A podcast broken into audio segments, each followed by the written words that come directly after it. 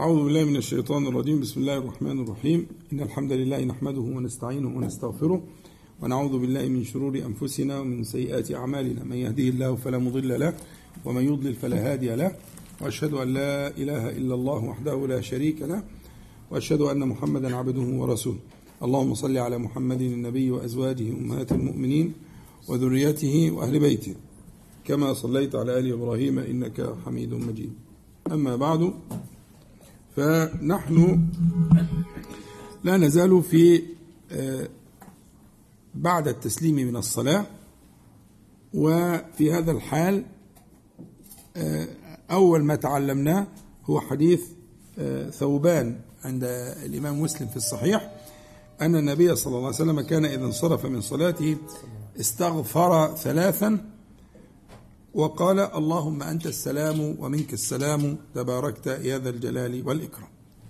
وقلنا معنى الاستغفار هو لفت الانتباه انتباه العبد مقام النبي عليه الصلاة والسلام مقام آخر مقام عليه النبي صلى الله عليه وسلم لا ينام قلبه ولا يغفل.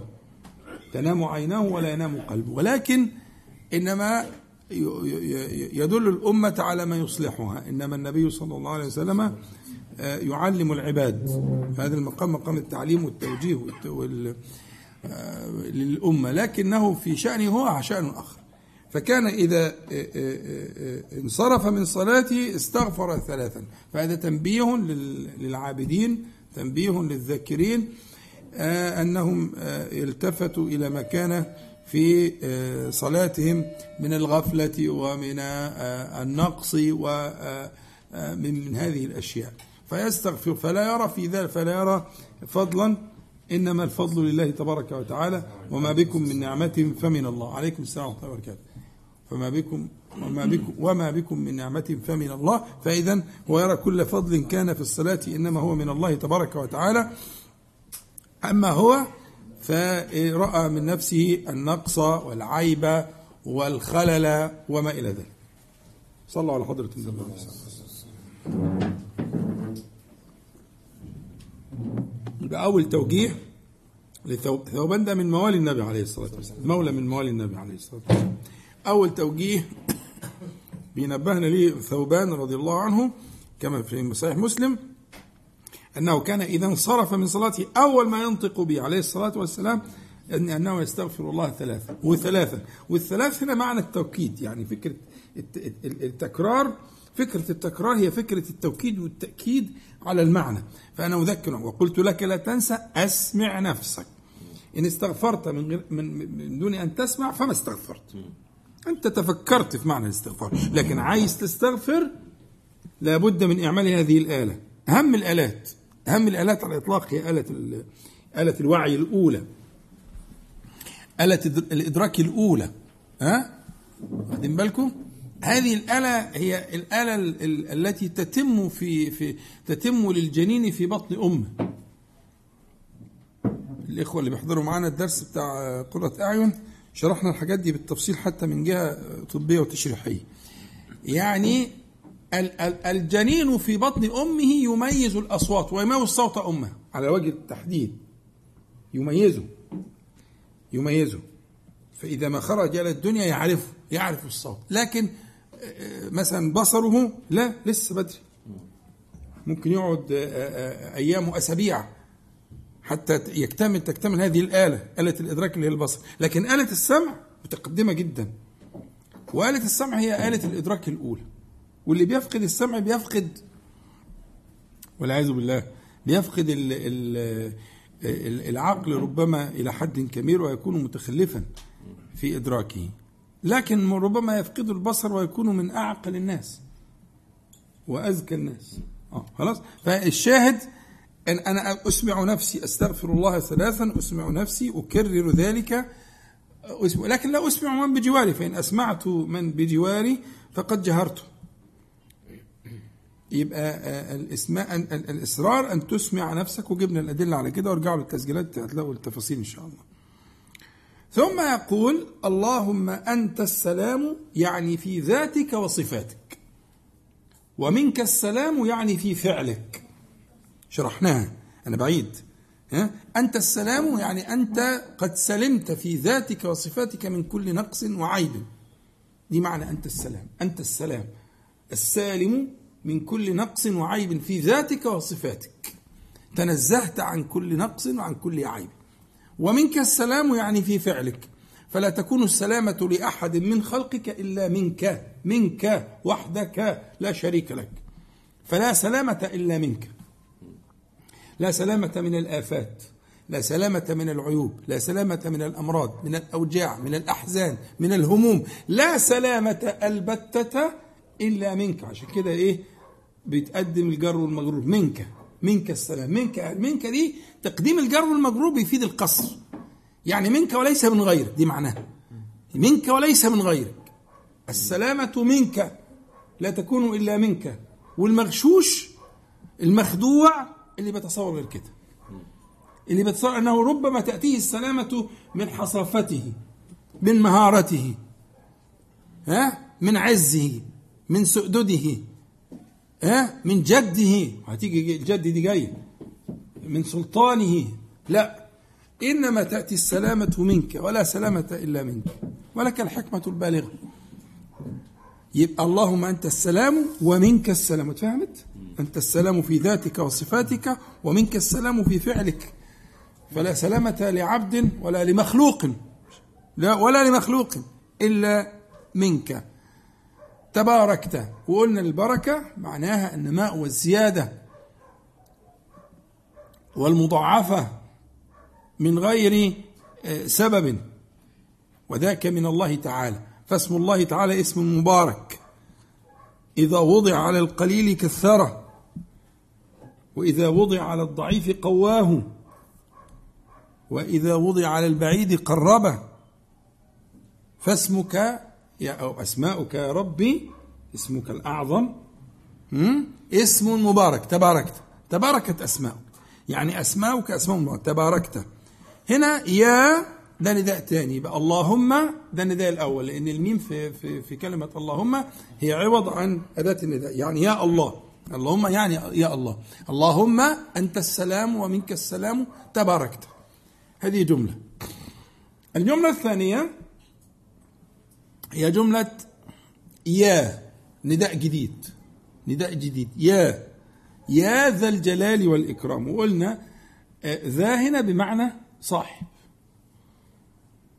أنت آه، آه، صاحب الجلال كل الجلال وصاحب الإكرام كل الإكرام. والعلماء لهم كلام كتير في توجيه الجلال والإكرام.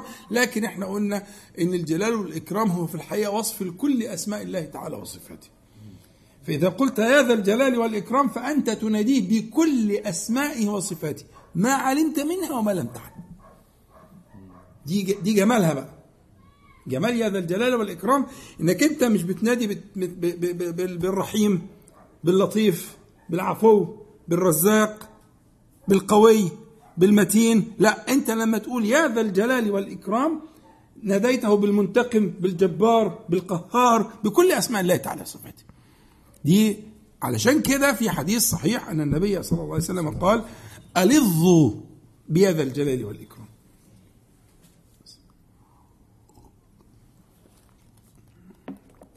يعني إيه ألظوا يعني الزموا وأقيموا وداوموا عسكروا عليها. عسكروا خلي لك ورد منها. ورد كده قبل ما تنام. وأنت قاعد. بعد ما صليت ركعتين ولا اوترت ولا عملت ولا سويت أقعد كده أمسك السبحة وقول يا ذا الجلال والإكرام. واذكر أنك تناديه بكل أسمائه وصفاته. ما علمت وما لم تعلم. زي ما قلنا دايما حديث حديث ال ال القرآن العظيم. النبي عليه الصلاة والسلام علمنا اللهم إني عبدك وابن عبدك وابن أمتك في قبضتك. ناصيتي بيدك ماض فيها حكمك عدل فيها قضاؤك. أسألك بكل اسم هو لك. سميت به نفسك أو أنزلته في كتابك أو علمته أحدا من خلقك أو استأثرت به في علم الغيب عندك. أن تجعل القرآن ربيع قلبي ونور صدري وجلاء حزني وذهب همي. فهنا التوسل كان بالإيه؟ بالأسماء بالطريقة الجميلة دي اللي هي الطريقة التي حوت الأسماء كلها. طب إيه رأيك أنت لما تقول يا ذا الجلال والإكرام قد بلغت؟ قد بلغت. لأن الجلال هو وصف لقسيم من أسماء الله تعالى ها؟ والإكرام هو وصف لقسيم للقسم الآخر من أسماء الله تعالى. فأنت إذا قلت هذا الجلال والإكرام أنت مريت على كل الأسماء والصفات ومرر على قلبك ما تريد. أدخل قلبك في هذه الأفنان. تحرمش نفسك. دي دقائق ممكن تفرق في حياتك كلها. دقائق قليلة جدا. وتعملها الليلة دي إن شاء الله قبل ما تنام. حاجة مش إحنا ما بنتكلمش في في في, في إنك هتبني جامع ولا هتروح تحج السنة دي. ده أنا بقول لك دقائق معدودة. ممكن تغير مجرى حياتك كلها. لأنك إذا ناديته لباك هو سميع قريب سبحانه وتعالى. ووعد وقال ربكم ادعوني أستجب. مفيش تخلف. فما عليك إلا أن تناديه. فأنت بتناديه دبر الصلاة المعنى المهم ده. يبقى آه، حديث ثوبان. كان إذا انصرف من صلاته صلى الله عليه وسلم استغفر ثلاثا ثم قال اللهم أنت السلام ومنك السلام تباركت يا ذا الجلال والإكرام. طيب النداء أنت عايز إيه؟ مفتوح. فليرد على قلبك ما تريد. أصل أنت بتنادي. بتنادي. والنداء عبادة مستقلة يا اخوانا القرآن مليان وأيوب إذ نادى ونادى. إلى آخر يعني كثير كثير كثير كل الأولياء والأنبياء والأصفياء والصالحين نادوا ربهم نداء آه، آه، بأشكال وأحوال مختلفة. فأنت تناديه وتحمل على النداء مرادك. ها؟ تحمل على النداء مرادك. وعندنا حديث ابن مسعود برضه في السنن بسند حسن أنه كان يدعو كان النبي صلى الله عليه وسلم يدعو يا حي يا قيوم. وانتهى الحديث. برضه نفس الكلام نفس الكلام. يا حي يا قيوم. أدي أدي حديث. يا ذا الجلال والإكرام. أدي حديث. حديث كفاية. وانت بتقوله بس أنا عايزك قلبك يحضر وانت بتقول بعد الصلاة يا ذا الجلال والإكرام. معلش أنا عشان الإخوة يعني القدام شوية إحنا إيه أنا شايف نسبة الوجوه الجديدة زايدة فعشان كده الكلام ده اتقال قبل كده. فممكن ترجعوا له في التسجيلات لكن أنا بقى ها؟ عشان ما الإخوة والله طيب. يعني ما فيش ملال يعني. طيب. كل مرة بطريقة جديدة. تمام. حديث ثوبان حفظناه وإن شاء الله ده أول حاجة بنقولها من جهه الترتيب الزماني حديث ثوبان. الحديث اللي بعد كده هو حديث معاذ. ومعاذ طبعا له الخصوصية اللي أنا ذكرناها في المقدمة. اولا أخذ بيده ودي برضو نقطة مهمة جدا في الدعوة وفي التربية وإلى آخره. أنه أخذ بيده وحكينا حكايات كتير إن النبي عليه الصلاة والسلام كان بيعمل كده مع كتير من الصحابة. وكان لا يترك يده حتى يكون هو الذي يترك يد النبي صلى الله عليه وسلم. من هذه من الشفقة وهذا التماس والتواصل.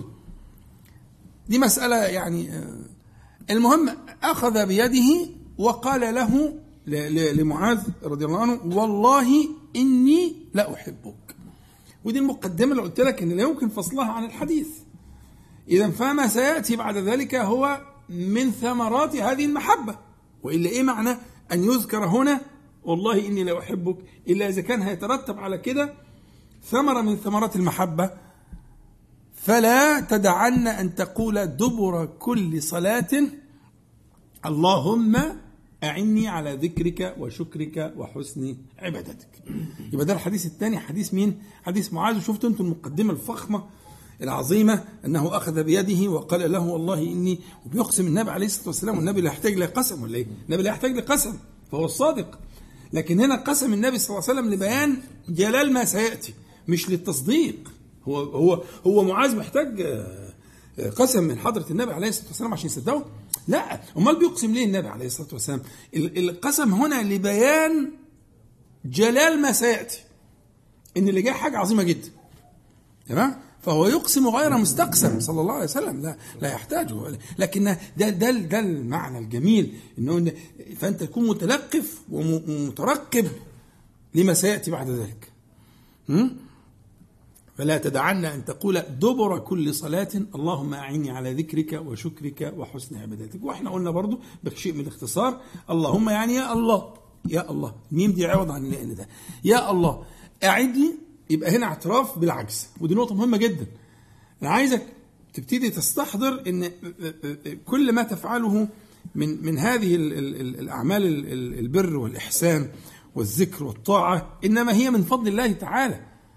وفي غيرك كتير محرومين. ومن لم يعن الله تعالى فلا سبيل له البتة. وفي ناس عقولها أحسن من عقولنا و... و... و... وإدراكها أحسن من إدراكنا ولكن محرومين. ولا حول ولا قوة إلا بالله. محرومين. واخدين بالكم؟ لكن اللهم أعني يعني اعتراف بالعجز. أنت تظهر عجزك. عني على ذكرك وشكرك وحسن عبادتك.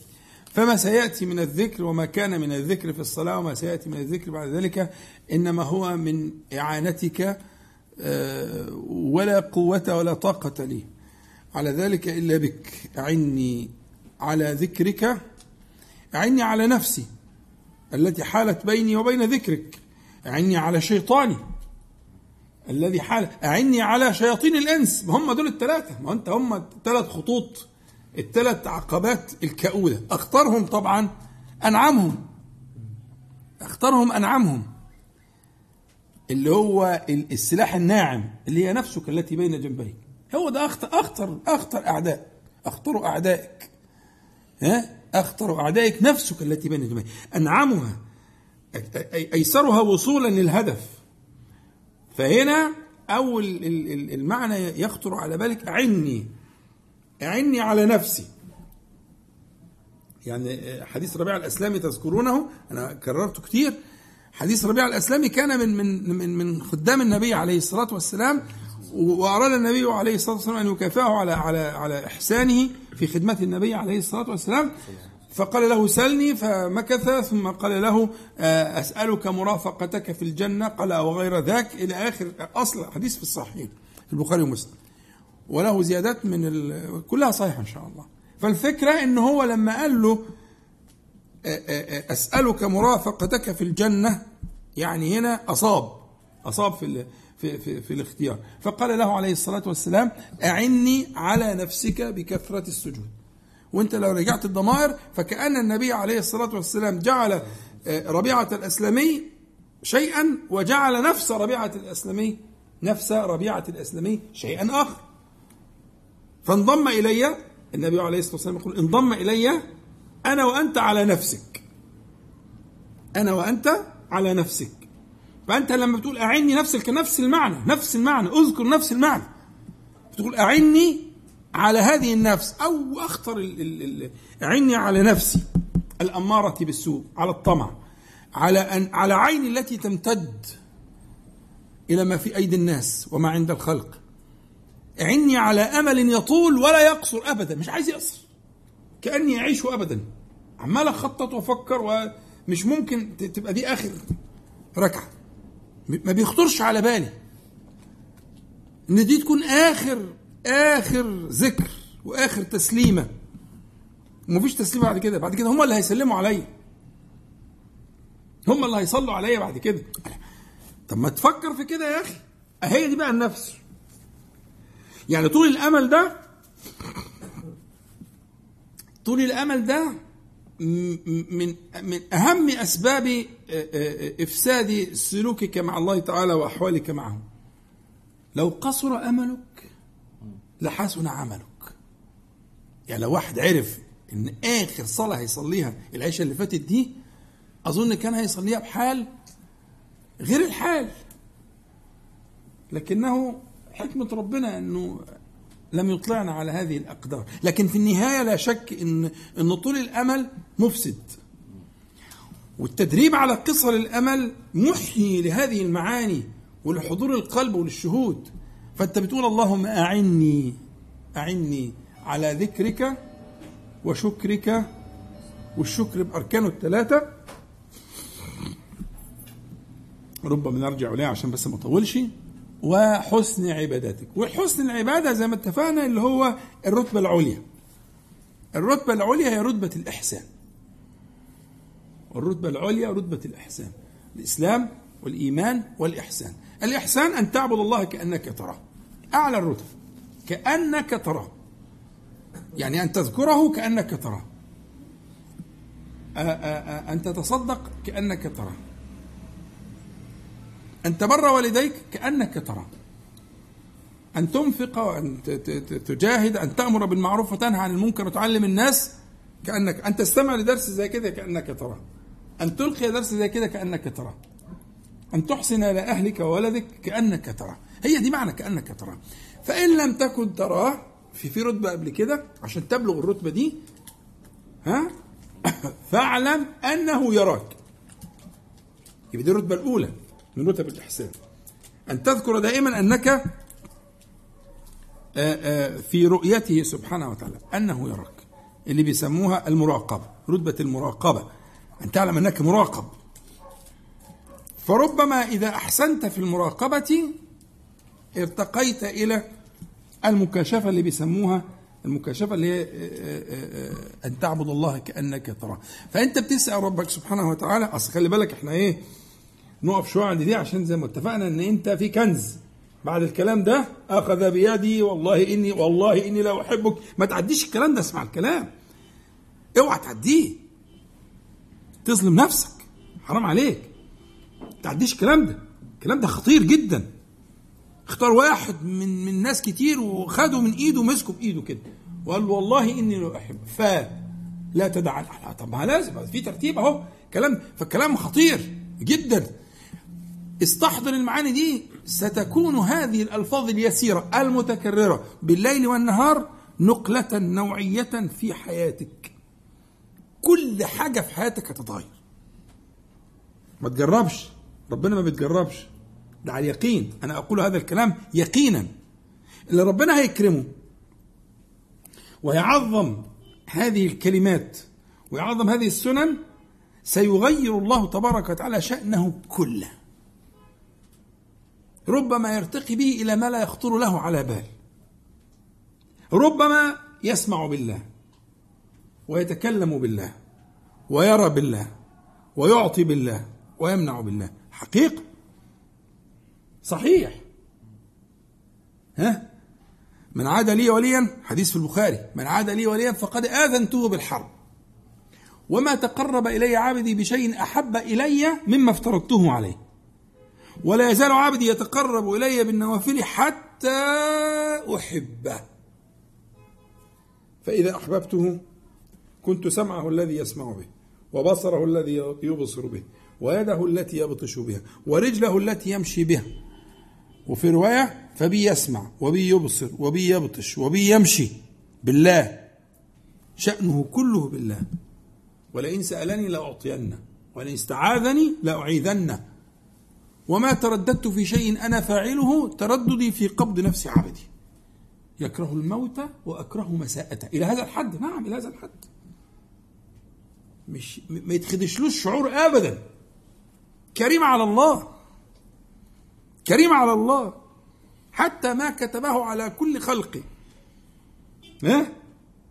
فإن الله تعالى يود ويريد ولو لو لم يفعل معه ذلك ولكنه قضى ذلك. فحتى دي لا يختش له شعور ابدا. كريم على الله. فهي أول الطريق هو ما تسمع. اللي هو إيه؟ وحسن عبادتك حسن عبادتك الإحسان. أن تعبده بإحسان. فأنا عايز الكلام ده لما نيجي نقوله مفيش داعي للعجلة. ولو ما سمعتش نفسك محال أن تدرك ما أقول لك الآن. محال. إحنا مش بنجرب. محال بمعنى محال. هتعدي الكلمات ولا تدري أولها من آخرها. لكن إذا وفقت إلى ما تسمع فإنه هذه سنة الأولين. والأنبياء والمرسلين. اتفقنا؟ يا شباب؟ طيب لغاية دلوقتي ما قلناش حاجة جديدة. طيب الليلة دي إن شاء الله. نعم. الليلة دي هنقول ذكرين إن شاء الله. هنقول ذكر في حديث المغيرة بن شعبة وهو متفق عليه موجود في البخاري ومسلم. وهنقول حديث عبد الله بن الزبير وهو حديث آه، عند آه، الإمام مسلم في صحيح. إن شاء الله. ويبقى كده بقى معانا أربع أذكار آه، عايزين يعني إيه نستمتع بها. مش نتخلص منها. عايزين نستمتع بأربعة. مش أكتر من أربعة. أربعة. أدي اثنين أنتوا سمعتوهم واثنين هقولهم إن شاء الله. يبقى معاك أربعة. معاك كنوز. استمتع بيها. استمتع بيها وأنت بتقولها مش تبقى أنت في الصلاة عمال ترتب لبعد الصلاة. إيه الحكاية؟ ضاعت الصلاة وضاع بعد الصلاة. طب خلي بعد الصلاة توبة من مكانة في الصلاة. لا. يا أخي أنت ظالم لنفسك. طب ليه حكمة ربنا نوزع الصلاة التوزيعة دي؟ قولوا لي أنتوا بربكم. فكانت ممكن الصلاة تبقى في آخر الليل. وخمسة برضه. واخد بالك؟ إيه حكمته؟ سبحانه وتعالى نوزع الصلاة بالشكل ده، مش كده وبس. وتلاقي الصلوات اللي هي في في في في, في, في زحمة النهار والمدافعات تلاقيها صلوات مشحونة. أولا أربع ركعات. ثانيا أكبر سنة للصلاة هي سنة الظهر صح؟ سنة الظهر أربعة قبلية وأربعة بعدية ده الكمال الكمال أربعة قبلية واللي بعديها في الرتبة أربعة قبلية واثنين بعدية. لكن الكمال من صلى أربعا قبل الظهر وأربعا بعد حرم الله جسده على النار. فإذا أنت بتتكلم في إيه؟ تيجي الصلاة اللي هي صلاة الزحمة والمدافعة والحياة وحركة الحياة القوية تلاقي الصلاة أربع ركعات وتلاقي السنن قبلها أربعة. يعني أنت بتصلي 12 ركعة. ها؟ بتصلي 12 ركعة. ليه؟ وبتقعد تقول الكلام ده بعد الصلاة بعد ال ال ال افهم. أو إنه ينتزعك انتزاعا ويردك ردا جميلا. ينتزعك انتزاعا ويردك ردا جميلا فانتبه. ف الكلام اللي إحنا بنقوله أربع أذكار إن شاء الله نهتم بهم بإذن الله. اتفقنا؟ عليكم السلام ورحمة الله وبركاته. حديث المغيرة رضي الله عنه المغيرة بن شعبة. وهو ثقفي والمتفق عليه يعني يعني رواه البخاري ومسلم. يقول كان النبي صلى الله عليه وسلم إذا فرغ من الصلاة قال لا إله إلا الله وحده لا شريك له له الملك وله الحمد وهو على كل شيء قدير. اللهم لا مانع لما أعطيت ولا معطي لما منعت ولا ينفع ذا الجد منك الجد. طبعا لو وقفنا عليها يبقى الجد لكن أنا بشكلها عشان تفهم معناها ولا ينفع ذا الجد منك الجد. في في روايات في الصحيح أنه كان يقول ذلك ثلاث. يقول ذلك ثلاث. لا إله إلا الله وحده لا شريك له له الملك وله الحمد وهو على كل شيء قدير. اللهم لا مانع لما أعطيت ولا معطي لما منعت ولا ينفع ذا الجد منك الجد. وقلنا كلمة ثلاثا لما تلاقي ثلاثا انتبه. لما تلاقي ثلاثا انتبه. الحاجة دي محتاجة مرة واثنين وثلاثة لهذه النفس حتى لا يغيب عنها المقصود. ألا يعلم من خلق وهو اللطيف الخبير؟ يا جماعة ربنا سبحانه وتعالى أعلم بنا من أنفسنا. فإذا اختار لنا شيئا فهو اختيار الخبير. الخبير اللطيف. يعني يتلطف في إسداء ذلك بطريق خفي. في إسداء الإصلاح في إسداء النصح يتلطف في ذلك سبحانه وتعالى. ها؟ ألا يعلم من خلق وهو اللطيف الخبير؟ بلى. يعلم سبحانه وتعالى. فهو يصلحك. بس أنت استجب. استجيبوا لله وللرسول إذا دعاكم لما يحييكم. استجيبوا. انت عليك الاستجابة. سلم أمرك لله سبحانه وتعالى وتتبع السنن بدقة بالألفاظ وتشوف. وإحنا كل الأحاديث بنقول احاديث صحيحة وفي اعلى درجات الصحة. شوف كان إيه الحال؟ كان بيعظموا الصلاة إزاي؟ أرحنا بها. يا بلال أرحنا بها. راحة القلب وروحان وريحان. طيب يبقى إذا الحديث زي ما قلنا كان يقول ذلك ثلاثا. يقول ذلك ثلاثا حديث المغيرة المتفق عليه. لا إله إلا الله وحده لا شريك له. شرحناها كتير ولا بأس بالتذكير. يعني لا معبود بحق إلا الله. الإله المعبود الإله كلمة إله اسم مفعول. يعني إيه اسم مفعول؟ يعني مألوه. مألوه يعني معبود. يبقى إله معناها إيه؟ معبود. حتى من ناحية الاشتقاق. إله ها؟ معناها معبود يعني لا معبود بحق إلا الله. وما عبد سواه فقد عبد بباطل. لأن في عبد سواه مش كده ولا إيه؟ آه لكن ما عبد سواه فقد عبد بباطل. أما هو فهو المعبود بإيه؟ بحق. ده معنى كلمة التوحيد التي من أجلها خلق الله السماوات والأرض. كرر يا عم كيف تشاء. خير ما قلته أنا والنبيون من قبلي. أعلى الكلمة التي من أجلها خلق الله السماوات والأرض لا إله إلا الله. وهي الكلمة التي تحتاجها. اللهم اجعلها آخر كلامنا من الدنيا يا رب العالمين. فيش أعظم من كده. من كان آخر كلامه من الدنيا لا إله إلا الله دخل الجنة. حديث صحيح. أكثر منها. خليها على لسانك خليها روحك خليها نفسك. وما تجد أثقل منها يوم القيامة. عارفين حديث البطاقة؟ حديث البطاقة مشهور. راجل جه يوم القيامة ونشروا له من سجلات الخطايا والجنايات والكبائر والمصائب وجبال السيئات ما يملأ تسعة وتسعين سجلا. كل سجل مد البصر. مد البصر أنتم مثقفين. يعني مد البصر؟ هنتكلم مثلا في خمسة كيلو مثلا. ما هو مد البصر ده معناه التقاء السماء بالأرض أو البحر بالسماء مش كده؟ المسافة دي في البصر العادي عدة كيلومترات. فمعاه 99 سجل. كل سجل مد البصر. قد امتلأت عن آخرها. تمام؟ ووضعت في الكفة اليسرى. في كفة السيئات. ثم قيل له إن لك عندنا بطاقة. الميزان العدل. فهو تعجب يعني وما تصنع هذه البطاقة بتلك السجلات. يعني بطاقة إيه؟ اللي هتعمل إيه في السجلات دي؟ فجاءته البطاقة وهي بطاقة لا إله إلا الله. لأنه كان مؤمنا بها حقا. ووضعت في الكفة الأخرى فطاشت السجلات كما صح في الحديث. طاشت السجلات. فلا إله إلا الله لا يثقل معها شيء في الأرض ولا في السماء. بس تكون بيقين. وتكون من قلب صدق ويعي معناها. فلما نقول نعدها مرة واثنين وثلاثة وفي أذكار الصباح والمساء وفي الدخول وفي الخروج و و و و إلى آخره خير يوم عرفة النبي عليه الصلاة والسلام خير الدعاء دعاء عرفة وخير ما قلته أنا والنبيون من قبلي حديث صحيح لا إله إلا الله وحده لا شريك له. له الملك وله الحمد وهو على كل شيء قدير. ده الدعاء. الدعاء مشتمل على كل ما تريد.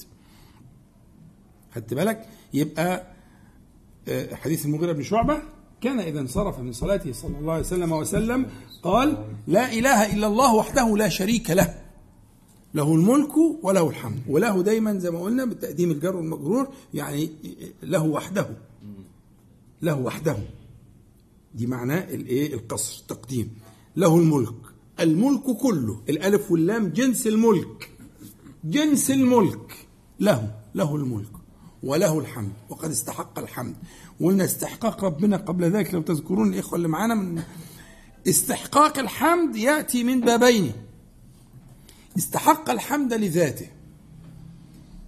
ها؟ واستحق الحمد لإنعامه. حاجتين. اوعى تنسى دي وانت بتحمد ربنا سبحانه وتعالى انت الفاتحة الحمد لله رب العالمين. اوعى تنسى. استحقاق الحمد عندنا لسببين. استحقاق الحمد للذات العلية لأنه اتصف بالكمال وتنزه عن النقص فهو مستحق للحمد لذاته لاتصافه بالكمال. وتنزهه عن النقص لاتصافه بالعدل وتنزهه عن الظلم. ها؟ لاتصافه بكل كمال وتنزهه عن كل نقص. فاستحق الحمد لذلك. ثم استحق الحمد لإنعامه وتفضله. ها؟ يبقى له الملك ها؟ وله الحمد. المحامد كلها كل أنواع المحامد. كل أنواع المحامد له سبحانه وتعالى وليس لغيره. له الملك وله الحمد وهو على كل شيء قدير. وهنا حط مرادك. دي بقى الإيه؟ اللي الباب اللي بيتفتح لك عشان تحط مرادك. وهو على كل شيء قدير. فكل ما تريده هو من هذا الشيء. من شيء. على كل شيء. على نصرتك قدير. على نفسك وعلى شيطانك وعلى عدوك على رزقك قدير. على هدايتك قدير على هداية ولدك على هداية زوجك على كل شيء قدير. فلا تغفل. وحضر مع كل مرة ما انت هتقولها كذا مرة. حضر مع كل مرة ما تضمنه في قولك إيه؟ شيء. وهو على كل شيء قدير. الباب بيتفتح باب الإجابة بيتفتح وعليك أن إيه؟ تفرغ ها؟ عليك أن تفرغ مراداتك. يبقى القعدة دي عايزة تجهيز. خلي بالك خليك ناصح. أنا دايما في جيبك ورقة وقلم. اسمعوا الكلام. موضوع جد. في جيبك ورقة وقلم على طول. اكتب دون. خلاص في صلاة جاية في لقاء جاي في باب هيتفتح في أرزاق جاية في أذكار صباح ومساء في أبواب بتتفتح. أنت اللي مش جاهز. انت اللي مش مرتب افكارك. انت اللي مش مرتب طلباتك. انت مش عارف إيه الاولويات اللي عندك. يا أخي ده هو اللي بيقول لك ادعوني. سبحانه وتعالى. ده هو اللي بيفتح لك الباب. انت ظالم نفسك ليه؟ ظالم نفسك ليه؟ ورا ورا في جيبك. لو انت خايب زي كده ما بتحفظش اكتب. دون. دون اللي بينك وبينه. يا أخي هو أقرب إليك من نفسك. أقرب إليك من حبل الوريد. ده هو حال بينك وبين قلبك. فهو أقرب إلى قلبك منك. وأقرب إليك ها من قلبك.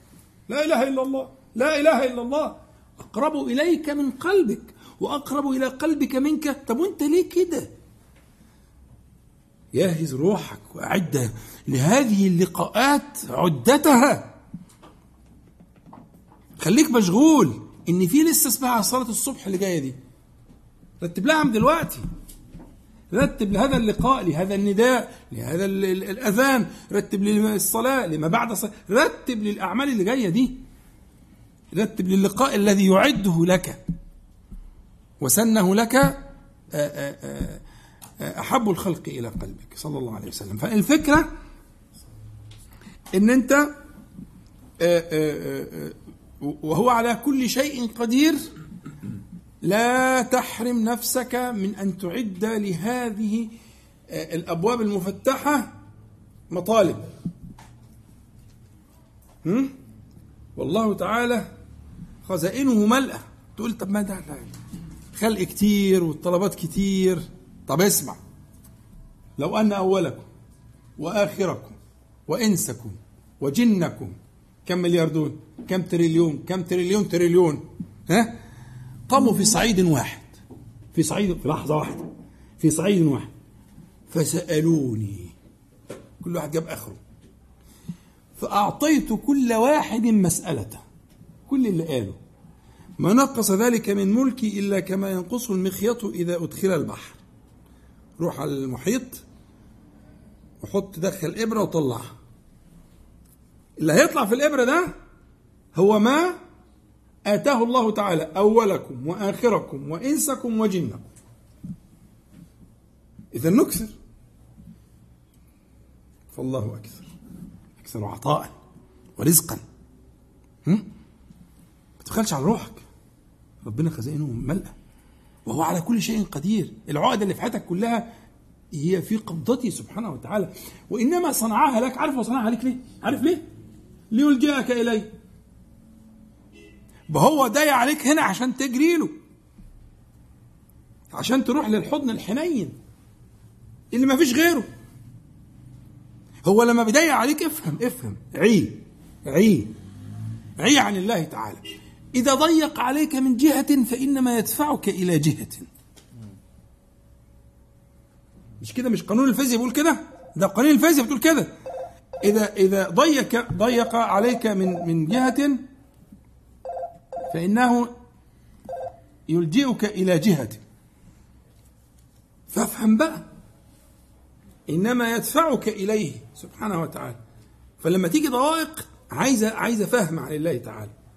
عيل مغلبك ولا زوجة مش عارف إيه ولا مدير في الشغل إيه ولا آه، ضائقة مالية إيه ولا حاجة صحية إيه ولا ما كل أنواع كتير أشكال كتير. ها؟ وانما هذه دار البلاء والاختبار. فاعلم إنما إذا ضيق من جهة فإنه يدفعك إلى جهة. يدفعك برفق وبحلم وبلطف. سبحانه وتعالى خدت بالك من الكلام؟ يبقى اذا وهو على كل شيء قدير. اللهم لا مانع لما أعطيت ولا معطي لما منعت. أنت لو فكرت في العبارة دي هتلاقي أن الموضوع خلص. انتهى كل شيء. اللهم لا مانع لما أعطيت ولا معطي لما منعت. يعني ما فيش حد في الكون له تصرف إلا هو. أمال الخلق دي إيه؟ والعالم المجرمه دي إيه؟ واللي بيقتلوا إيه؟ واللي بينهبوا إيه؟ واللي بيظلموا إيه؟ واللي كل دي صور. كل دي اختبارات. صحيح؟ أي يا أخي اهو العبارة اهي أنت بتقولها كل صلاة. اللهم لا مانع لما أعطيت. يبقى ما حدش يقدر يمنع حاجة ابدا أعطاها. حدش يحجز عنك حظك ابدا ابدا ابدا. طيب. اللهم لا مانع لما أعطيت. ولا معطي لما منعت. إذا كان القرار سماوي بالمنع يبقى ما فيش استدراك البتة. طب ما كده المسألة انتهت. فالعطاء والمنع بيده سبحانه وتعالى ولا دخل لمخلوق في ذلك. أمال اللي إحنا بنشوف في حياتنا دي إيه؟ دي كلها صور للابتلاء والاختبار.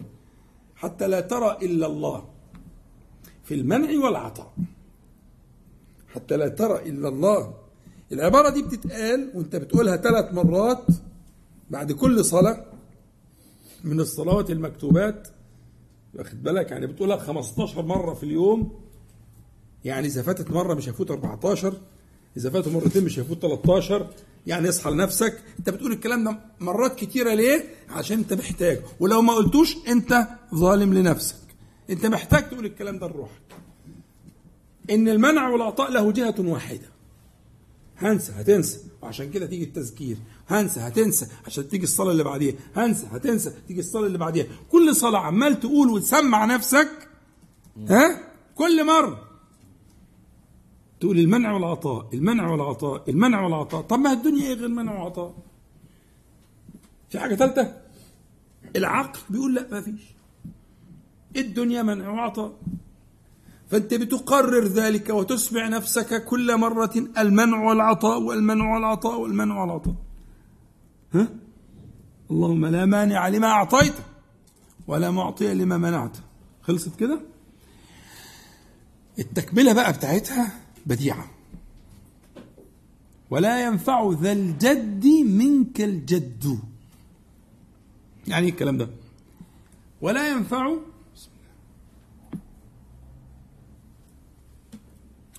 ذا الجد ذا هنا بمعنى صح. الجد معناه السلطان أو السؤدد أو الملك أو الجاه. وما يتعلق بذلك من الأموال ومصادر القوى يعني صور القوى المختلفة. ولا ينفع صاحب ذلك منك جده وملكه وسلطانه. لا ينفع. فكأن أنا بقول لنفسي والشارع بيعلمني اوعى تغتر بالخلق دي. اللي لهم سؤدد وملك وسلطان وجاه وأموال والله ما ينفعهم. من الله والله ما ينفعهم. أنا أنا مضطر أسمع نفسي الكلمتين دول ليه؟ عشان المظالم اللي أنا عايش فيها واللي طول العمر البشرية عايشة فيها. هو النبي عليه الصلاة والسلام لما لما لما بعثه الله تعالى بعثه وقد أظلمت الأرض. مش كده ولا إيه؟ الحديث الصحيح إن الله نظر إلى أهل الأرض عجمها وعربها فمقتها ليه بقى؟ المظالم اللي كانت في الأرض. ال- ال- العدوان والقهر والظلم والكفر والشرك.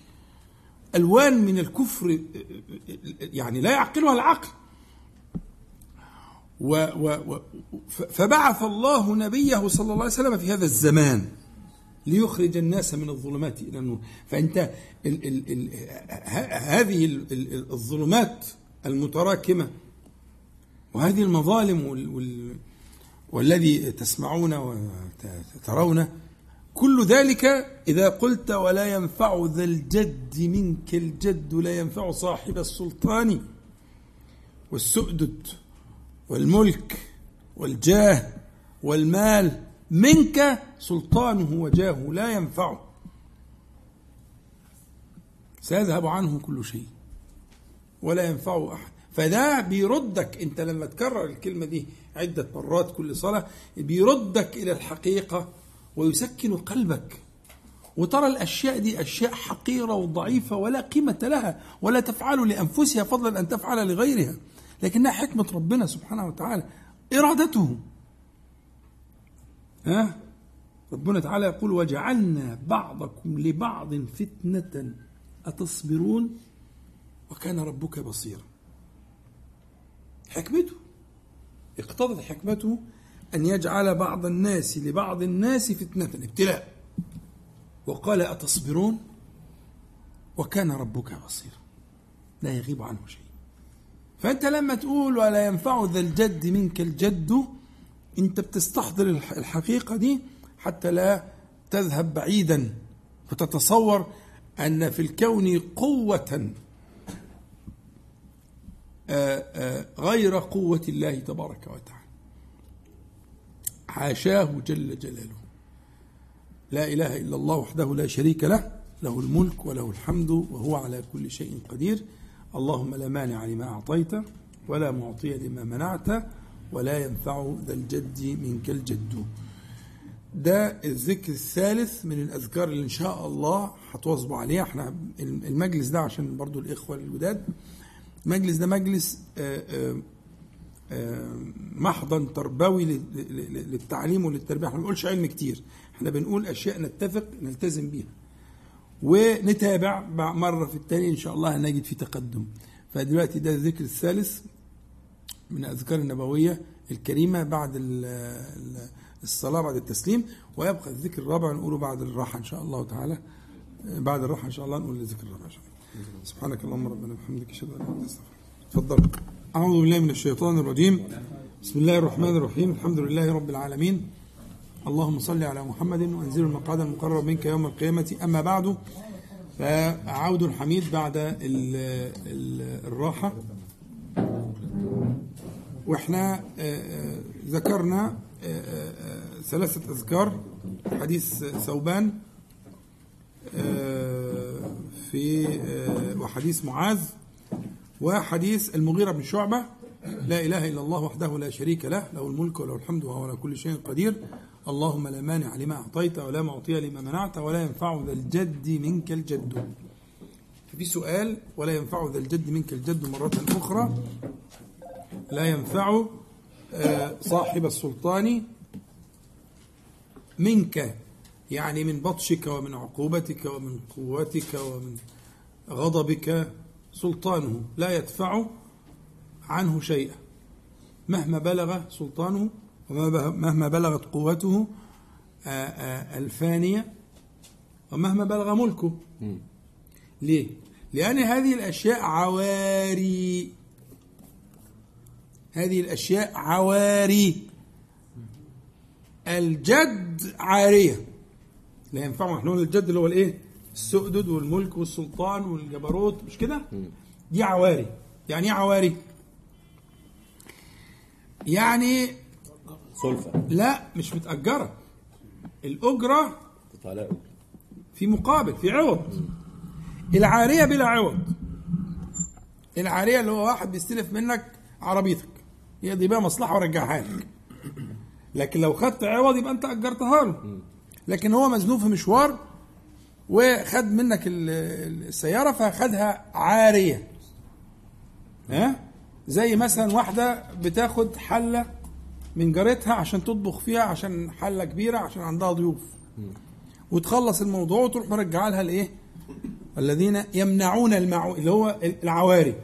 المعون هنا اللي مذكور في سورة المعون هو العواري فكل كل ملك الدنيا عاريه ليه؟ لأن الملك الحقيقي له صفتان. الملك الحقيقي له صفتان.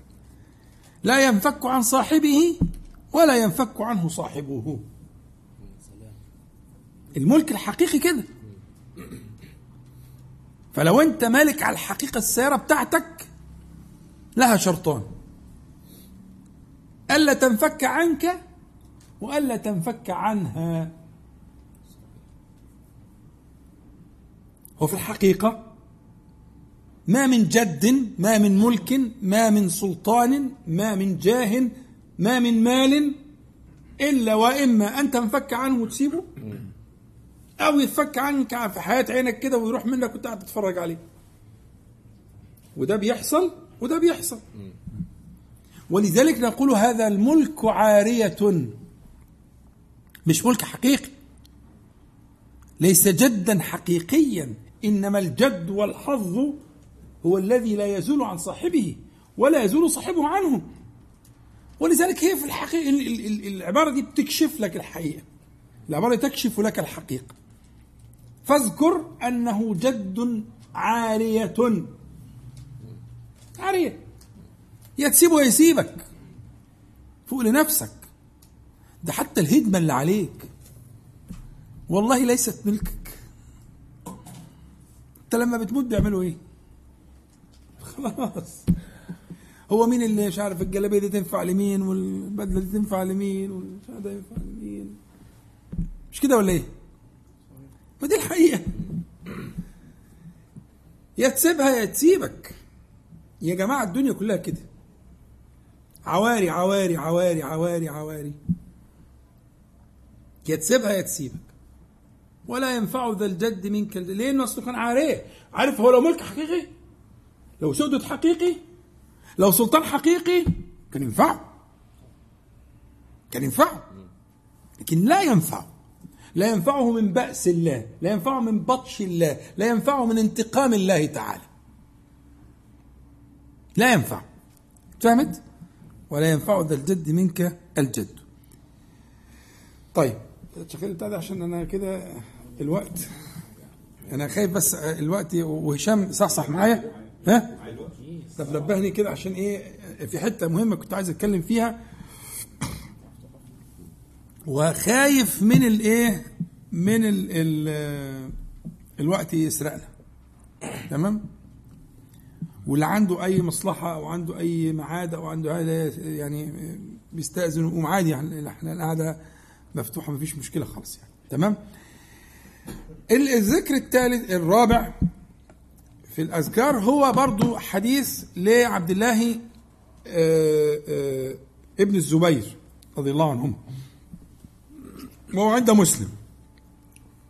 أن النبي عليه الصلاة والسلام كان يقول دبر كل صلاة لا إله إلا الله وحده لا شريك له له الملك وله الحمد وهو على كل شيء قدير لا حول ولا قوة إلا بالله. لا إله إلا الله ولا نعبد إلا إياه. مخلصين له الدين آه، له النعمة وله الفضل وله الثناء الحسن. لا إله إلا الله مخلصين له الدين ولو كره الكافرون. وكان يهلل بهن دبر الصلاة. كلمة وكان يهلل التهليل معناه إيه؟ التهليل معناه قول لا إله إلا الله. بس طب إيه معنى إنه جه في ده, في الصحيح. إيه معنى إنه جه بعد كده؟ في مسلم. إن بعد كده يقول إيه؟ وكان يهلل بهن. أنه كان يسمع أحيانا. يعني يرفع صوته يعني. كلمة يهلل هنا أفادت؟ ما هو هو كان يقول. هو بيقول كان يقول. ده عبد الله بن الزبير. يعني وهو من هو يعني؟ فإيه معنى كان ي- ي- ي- في الرواية يقول إيه؟ وكان يهلل بهن. يعني كان يرفع صوته أحيانا بحيث يسمعه الآخرين. يبقى هنا خرجنا عن حيز السر. الذكر الإصرار بالذكر إلى حد الجهر. الجار بقى تسمع غيرك فكان يهلل بهنا يعني كان يسمع غيره أحيانا. واخد بالك؟ اختلف أهل العلم هو كان ده سنتها إن يحصل فيها يعني آه، آه، آه، جهر. ولا ده كان في مقام التعليم. فلما رآهم عقلوا ترك ذلك في خلاف. ولذلك تسمعوا حتى ما في الخليج وكده إيه دايما يقولوا إيه ذكر لا إله إلا الله يقعدوا على صوتهم كده بيه ولو رحت في في البوادي لو رحت في البوادي هتسمع ده بقى جامد خالص خالص خالص. بس تلاقي ال- ال- ال- المسجد كله صوت عالي وهي هي وقربت في البوادي. رحت ناحية الرياض ونجد والحتت دي هتلاقيهم إيه؟ والقصيم والبتاع تلاقيهم آه يعلوا صوتهم جامد. تمام؟ هي الفكرة مبنية على الخلاف الفقهي ده.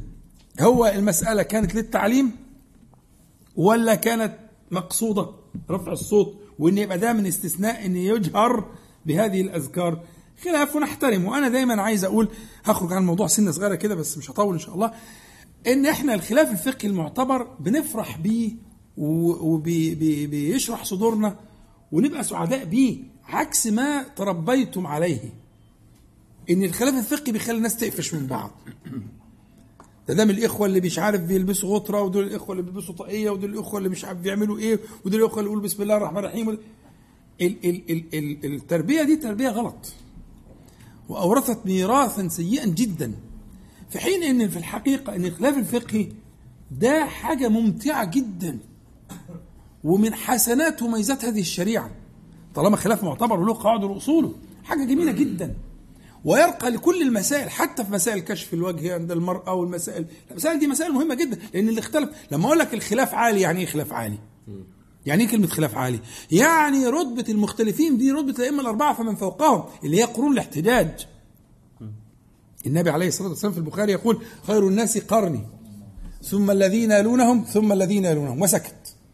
عليه الصلاة والسلام. بيسموهم قرون الاحتجاج اللي هم الصحابة والتابعين وتابع التابعين. اللي اللي منهم طبقة الأئمة الأربعة، الأئمة الأربعة عندنا الأئمة الأربعة كلهم من طبقة تابع التابعين على خلاف في أبي حنيفة.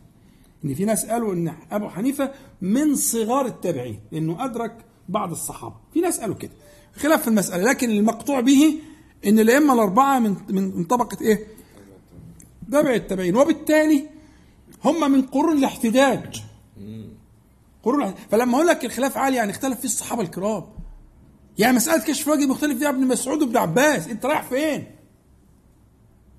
أنت رايح فين أنت فاهم غلط الخلاف الفقهي يورثك فخرا بهذه الشريعة واعتزازا بها. مش معنى كده إن مش إنك هتبقى دايما آه، آه، على جميع الأوجه. لا أنت أنت ملت إلى وجه لكن تحترم الوجوه الأخرى. ونمشي على القاعدة اللي بيقولوها في كتب الأصول كلامنا صواب يحتمل الخطأ.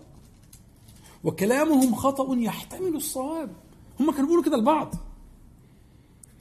قاعدة ال- ال- الخلاف الفقهي قاعدة جميلة وماتعة ومن حسنات الشريعة تتحول إلى سبب إلى إغار الصدور والبتاع وضيق النفس. ليه يا جماعة؟ ده الموضوع قريب خالص. أنتوا مش واخدين بالكم. واخدين بالكم؟ فنتعامل مع الخلاف الفقهي فهي مسألة مسألة فيها أصل الخلاف والقاعدة أنه يقبل في التعليم ما لا يقبل في غيره دي قاعدة مستقرة يقبل في التعليم ما لا يقبل في غيره. أجاز النبي صلى الله عليه وسلم ذلك. وثابت في الصحيحين وغيره وغيره وغيره. حتى إن النبي صلى الله عليه وسلم صلى على منبره. فكان إذا أراد أن يركع ويسجد رجع القهقرة. الحديث الصحيح. فسجد على الأرض. وقال بعد ذلك قال إنما فعلت ذلك لتعلموا وفي رواية لتعلموا صلاتي مش تعرفوها. لكن ما ينفعش إن يبقى ده العادة أن يصلي على المنبر. إنما يفعله في باب التعليم ما لا يفعله فكان يسوي يسوي الصفوف بيديه الشريفتين كما تسوى القداح؟ حتى إذا رآهم عقلوا ترك ذلك. بقوا عرفوا يسو- يسووا صفوفهم من غير أن يصنع ذلك بيديه الشريفتين صلى الله عليه وسلم. فأنا عايز أقول أنه يجوز في التعليم ما لا يجوز في غيره وعلى هذا الأساس نقول أنا أرجح يعني أميل إلى أنه على قاعدة الذكر بعد الصلاة أنه الإصرار. أسمع نفسك. أسمع نفسك. لكن أحترم جدا جدا جدا ثلاثة جدا أحترم من يقول بالجهر عزيز جدا. لأن قال الكلام ده مثلا ممكن ناس من كبار الحنابلة على راسي نحن حتى لا نصل إلى نعالهم. يعني مش عايز كلام لكن يعني الاحترام شيء والعمل شيء آخر. فانا أقول فالفكرة يعني عرجنا إحنا حتة الإيه؟ الخلاف الفقهي لأننا أعلم إنها آه، بالعكس الخلاف طالما خلاف معتبر وله قواعد وله أصول ويعرف ذلك أهل الصنعة أهل الفقه يعني خلاص ده خلاف على رأسنا. نحترمه نحترم المخالف ونقول ولعلهم آه، على الصواب. والله أعلم. وخلص الموضوع. مفهوم؟ كان يهلل بهن صلى الله عليه وسلم يعني يعني يرفع صوته أحيانا ليتعلم الناس لأهمية الإيه؟ الذكر. الذكر ده مشترك مع الذكر اللي فات في أوله لا إله إلا الله وحده لا شريك له له الملك وله الحمد وهو على كل شيء قدير. ثم أتبع ذلك بقوله صلى الله عليه وسلم لا حول ولا قوة إلا بالله. ولا حول ولا قوة إلا بالله كما هو معروف كنز تحت العرش ومن الأذكار الباقيات الصالحات. ولا يضرك بأيهن بدأت كما في الحديث الصحيح. فمنها لا حول ولا قوة إلا بالله. لا حول لا تحول عن معصية الله تعالى ولا قوة لا قوة على طاعة الله تعالى إلا بالله. فأنت تقرر هذه الحقيقة وتذكر نفسك بها أنه لا حول لا تحول عن معصية الله عز وجل ولا قوة على طاعة الله تبارك وتعالى إلا بالله إلا بالله إلا بك. يعني أنا لا أستطيع أن أصنع آه، خيرا أو أفعل خيرا ولا أدفع شرا إلا بك يا رب. لا حول ولا قوة إلا بالله. لا إله إلا الله ولا نعبد إلا إياه. وكذلك هذا المعنى آه، آه، ده توكيد. لأن لا إله إلا الله يعني لا معبود بحق إلا الله ولا نعبد إلا إياه. بنفس المعنى. فخلي بالك معنى التوكيد والتكرار دي معاني مهمة. يعني إيه مثلا يقول لك إيه؟ من قال كذا مئة مرة. ها؟ غفرت ذنوبه ولو كانت أو خطاياه لو كانت كزبد البحر وزبد البحر ده قد؟ لا يمكن تصوره طبعا ما هو في كم بحر في الدنيا وكم شاطئ وكم موجة وكم مش عارف إيه وكم زبد في الدقيقة يبقى مش عارف إيه, إيه, إيه, إيه, إيه, إيه العقل يعجز صح؟ لو حاولت تتصور تتصور زبد البحر تعرف تتصوره؟ محال ده هو بيوصلك للعجز يعني في قولي ولو كانت كزبد البحر ويأخذ بك إلى شاطئ العجز. عشان ترفع الراية البيضاء. طب هو زبد البحر قد إيه أصلا؟ ها؟ لا, لا يعقله العقل. فكذلك حتى لو ذنوبك كده.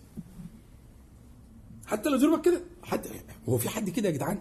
ده إيه؟ ده جاب أعمار منين حتى عشان يعمل معاصي. يعني حتى لو مستنفذ كل نفس في عمره من ساعة ما خرج من بطن أمه وهو بيرتكب معاصي هفترض كده مثلا يعني. شر كده شر. ومن ساعة أول نفس لغاية آخر نفس وهو شغال في المعاصي. ويجي يقول سبحان الله بحمد 100 مرة غفرت ذنوبه لو كان إيه ده؟ إيه العقل ده؟ ما هو عايز ياخدك للعجز يا ابني افهم. هو عايز ياخدك إلى شاطئ العجز. عشان تفهم إن القضية مش قضية زي ما أنت فاهم. هي قضية حاجة جواك ربنا سبحانه وتعالى رضيها. حاجة جواك ربنا رضيها بس لا تقول لي بقى زبد البحر ولا تقول لي جبال ولا سماوات ولا أرض ولا حاجة خالص ولو بلغت ذنوبه عنان السماء طب دي تبقى قد إيه دي؟ مش كده؟ مش دي الأحاديث؟ قد إيه اللي بلغت عنان السماء وقد إيه اللي زبد البحر؟ المهم لما يقول لك إيه؟ 100 مرة ولا يأتي أحد بمثل ما جاء به إلا رجل قال مثل ما قال بس فرق عنه بقى في الحضور والشهود والبتاع أو زاد عليه. ده هنا فتح باب فتح باب المنافسة. ده جاب 100 ده جاب 200 ده جاب 1000 ده جاب 2000 ده جاب 10000 فتحنا الباب بقى الباب اتفتح للاستزادة. الباب في في في آه، آه، آه، سنن الباب فيها مفتوح. ولا حد له. فالله أكثر. الشاهد فكرة التكرار. طب ما سبحان الله بحدي ما مرة واحدة ما كفاية. صح ما هو المعنى مفهوم. إيه اللي يخليك تقولها مرتين؟ طب ثلاثة طب عشرة طب عشرين طب مية. لا ده مش كده وفتح لك الباب بعد كده. ليه؟ عشان إيه؟ ألا يعلم من خلق؟ تركيبتك وخلقتك وفطرتك تحتاج إلى هذا القرع المستمر والتكرار. لإيقاع المعاني وترسخها أنت تحتاج إلى ذلك. تحتاج لهذا التكرار. وده على فكرة موجود في علم النفس. عايز تقول حاجة؟ لا كنت أستاذ حضرتك لو مش هناخد وقت طويل. وبحمدي المعنى ما يبقاش وصل لي. سبحان الله وبحمدي.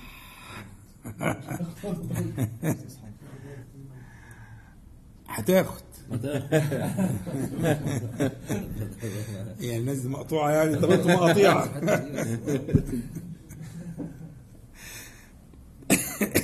لا هتاخد هي حلوة طبعا بس عايزة عايزة تاخد حقها. المهم حاضر حاضر. فكرني أرجع لها. بس خلص ال ال ال ال الجزئية اللي إحنا بنتكلم فيها. إحنا كنا بنقول إيه؟ التكرار. الا يعلم الخلق. آه. إحنا بنتكلم على إن حتى ده موجود في علم النفس. موجود في علم النفس. يعني إيه؟ يعني في علم النفس في آه، آه، آه، قواعد إن ممكن لو لو لو بيسموه الاقتراح. بيسموه العلاج بالاقتراح. اللي بيسموه بال- باللغة ال- ال- الإنجليزية سجشن يعني إنك أنت تقعد تقترح على نفسك. تقول أنا أنا شجاع أنا شجاع أنا شجاع أنا شجاع أنا شجاع. ده موجود في الطب النفسي. يعني مثلا إيه, إيه, إيه أنت قاعد وعايز ابنك يروح يجيب حاجة من المطبخ والصالة ضلمة وهو آه، عشان يعبر ال- المسافة دي هيبقى خايف وأنت متعمد. تقول له لو سمحت روح هات حاجة مش عارف إيه المطبخ. هو عمال يجيب أي علل عشان ما يروحش عشان المشوار ده آه، هيتعرض فيه. فأنت تقول له أنت ماشي آه، قول كذا ها انت عايز تخليه يكسر هذا الحاجز يعني. اللي هو عايز فانت فكرة الاقتراح أنا مش لوحدي أنا مش لوحدي أنا معايا ربنا أنا معايا ربنا أنا معايا ربنا معايا الملائكة معايا الملائكة. تقول له حاجة زي كده. فالفكرة إنك أنت بتخليه فكرة الاقتراح إن هو يقترح على نفسه أو يقنع نفسه إن هو فالنفس البشرية خ- ربنا خلقها كده. تحتاج إلى هذا ال- الملء للفراغ فراغ الزمان بهذه العبارات النورانية. ولها ما لها فيما لا يعقله العقل لأن دي دي أمور دي دي دي هذا الكلام هو كلام الله في الأصل. علمه لنبيه صلى الله عليه وسلم ونبينا عليه الصلاة والسلام ما ينطق عن الهوى. وبالتالي فله ما له في في في أثر في الايه في في الفطرة وفي الخلق. فلا حول ولا قوة إلا بالله. قلنا كنز من تحت العرش وإن معناها زي ما حضراتكم شفتوا. وبعدين لا إله إلا الله وحده لا إله إلا الله ولا نعبد إلا إياه مخلصين له الدين ولو كره الكافرون. هنا ولو كره الكافرون معناه مخلصين له الدين يعني لا نقصد غيره سبحانه وتعالى. ولو كره الكافرون هنا معناها آه إنهم سيكرهون. يعني ولو مش في احتمالات يعني مش في احتمال أنهم يكرهون وأنهم يحبون أو لا يكرهون ولا يحبون ثلاث احتمالات لا هو احتمال واحد. إن الكفار سيكرهون. سيكرهون التوحيد وسيكرهون العبودية وسيكرهون ذلك وإنهم كارهون. ها؟ فأنت آه، آه، تعلن أنك آه، لا تعتبر هؤلاء ولا تخشى إلا الله سبحانه وتعالى وإنك تجهر بذلك أو تعلنه وتؤكده أنك تخلص له سبحانه وتعالى الدين والكافرون يكرهون. فهنا ولو كره الكافرون بيسموها غاية. مع هذه الغاية فأنا كذلك لا أزال موحدا عابدا مخلصا لك يا رب العالمين.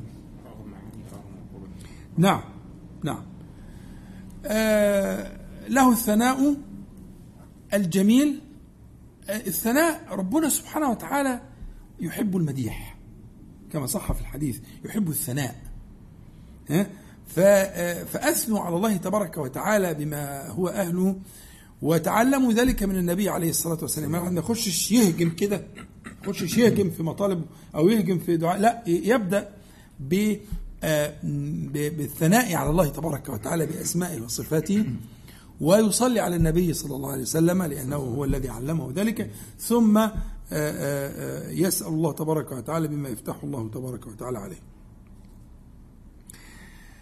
ال- ال- الذكرين اللي هم ذكر آه، آه، المغيرة وذكر عبد الله بن الزبير مهمين جدا وبيحققوا غرض زي جبناهم مع بعض يحققوا غرض متقارب. فأرجو إن إن شاء الله يحصل التزام بهم من صلاة الفجر اللي جاية إن شاء الله. معنا أربع أذكار. ما تستعجلوش قولوهم باستحضار سمع نفسك قول الكلام الجميل و- و- واسأل ربك سبحانه وتعالى أن يشرح صدرك وأن ينفعك بهذا الذكر الحكيم. في مسألتين مسألة اللي سألها الباشمهندس موسى اللي هي سبحان الله بحمده ومسألة تانية أنا كنت عايز أتكلم عليها بسرعة كده. اللي هي مسألة لا هي مسألة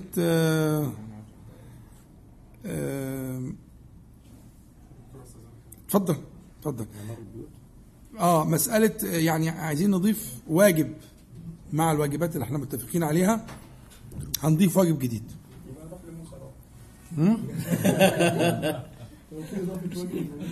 نروح لموسى أسهل.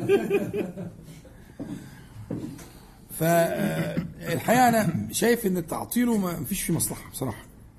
وعشان نقدر يبقى عندنا فرصة نتابعه الحصه اللي جاية إن شاء الله ونشوف ال- النتيجة إيه. فاسمحوا لي بس يعني إن شاء الله مش هناخد أكتر من 10 دقائق يعني بإذن الله. بس إيه نتفق على واجب بالإضافة للواجبات اللي اتفقنا عليها إن الواجبات اللي اتفقنا عليها هي استمرار لواجب أصلي من جنس واحد إحنا بن بن ب- ب- ب- ب- مستمرين فيه اللي هو واجبات الذكر بعد الصلاة. الحقيقة اللي هو هي مسألة متعلقة ببيوت المتدينين. إن بيوت المتدينين فيها ظواهر سلبية. بنلاقي فيها شيء من ال- الكدر والضيق في بعض الأحيان والخلافات ونزغ الشيطان والصغيرين أه، والكبار وإلى آخره. ف أه، في وظيفة من الوظائف المنصوص عليها آه، هتبقى إن شاء الله هتساعدنا في مسألة آه، أعمار البيوت في إعمار البيوت. هو العمارة في الحقيقة العمارة في الحقيقة في الشريعة هي هي العمارة بالذكر. ومن أظلم ممن منع مساجد الله أن يذكر فيها اسمه وسعى في خرابها. سعى في خرابها يعني مش هدها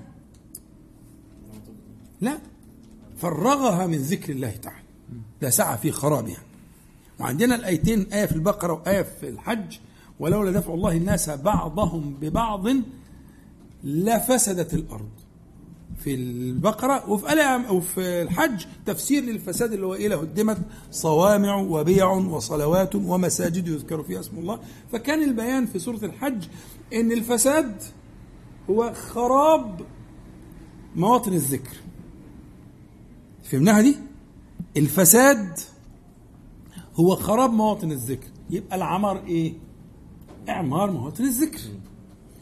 فأنا رأيي إن إحنا عايزين ننتبه إلى إن بيوتنا محتاجة لإعمار.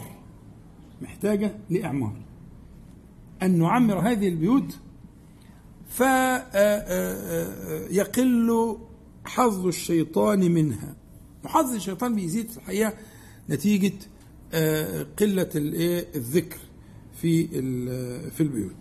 فإحنا عندنا حديث أصل يعني هجعله أنا أصل وان كان هم مش اصحها سندا لكن هو صحيح إن شاء الله. وهنجيب أحاديث أخرى ممكن تكون أعلى سندا تؤيد الفكرة. لكن أصل الحديث أن النبي عليه الصلاة والسلام من طريق أبي هريرة يقول إذا خرجت من منزلك فصل ركعتين يمنعانك من مخرج السوء. وإذا دخلت إلى منزلك فصل ركعتين يمنعانك من مدخل السوء وفي عندنا حديث في مسلم النبي عليه الصلاة والسلام يقول إذا قضى أحدكم الصلاة في مسجده فليجعل لبيته نصيبا من صلاته فإن الله جاعل في بيته من صلاته خيرا. ده, ده في مسلم. ده في مسلم. إذا قضى أحدكم الصلاة في مسجده فليجعل لبيته نصيبا من صلاته فإن الله جاعل جاعل من صلاته في بيته خيرا. خلي العنوان ده هو العنوان بتاعنا. إن الله تعالى جاعل في صلاتكم في بيوتكم خير. إن الله جاعل من صلاتكم في بيوتكم خير.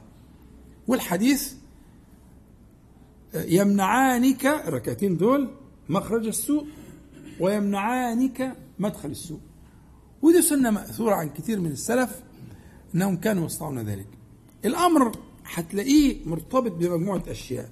مرتبط مثلا إنك أنت مش هتنزل دايما على الشعرة على اللحظة الأخيرة. زي ما بت بتلبس مثلا هدومك أو بتجهز مش عارف إيه أو كده فمن ضمن الحاجات دي هتحط في البرنامج ركعتين خفيفتين. هتبتدي يدخل في في في برنامجك إن ضروري. من ضمن الحاجات الضرورية بعملها ها؟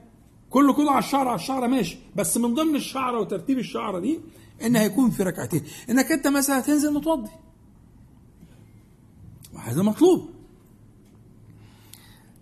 لقوله عليه الصلاة والسلام ولا يحافظ على الوضوء إلا مؤمن. والمحافظة ظاهرة وباطنة. خلاص؟ استقيموا ولن تحصوا. واعلموا أن خير أعمالكم الصلاة ولا يحافظ على الوضوء إلا مؤمن. فأنت هتلاقي المنظومة بتاخد أبعاد متعددة.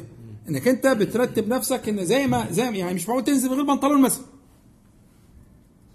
مش متصور. مهما كنت مستعجل. صح؟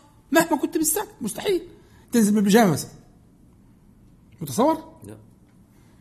لا قدر الله في الكوارث يعني لكن في, في, في, في مهما كنت مستعجل ومش ممكن هتروح إيه آه، الفوط على كتفك عشان مستعجل واخش شغلي بالمنظر ده مثلا.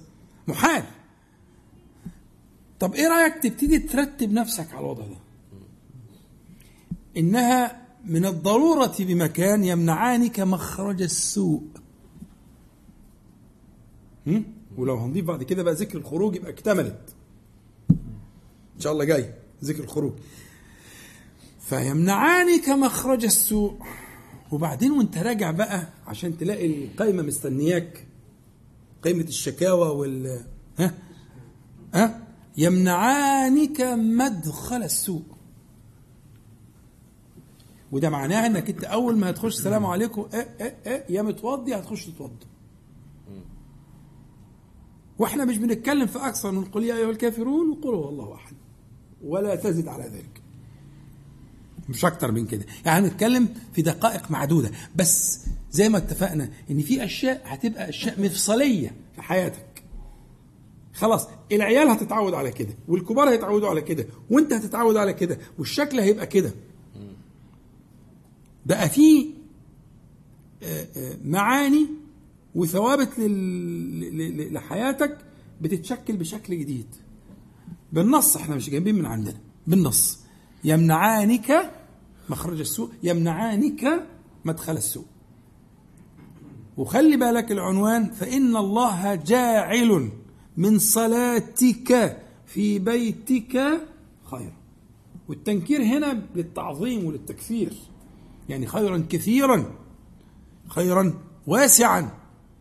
فوق فوق ما, ما فهنا اذا فالقضية قضية إن إحنا يعني آه، عايزين نتعاون إن شاء الله تعالى. آه، آه،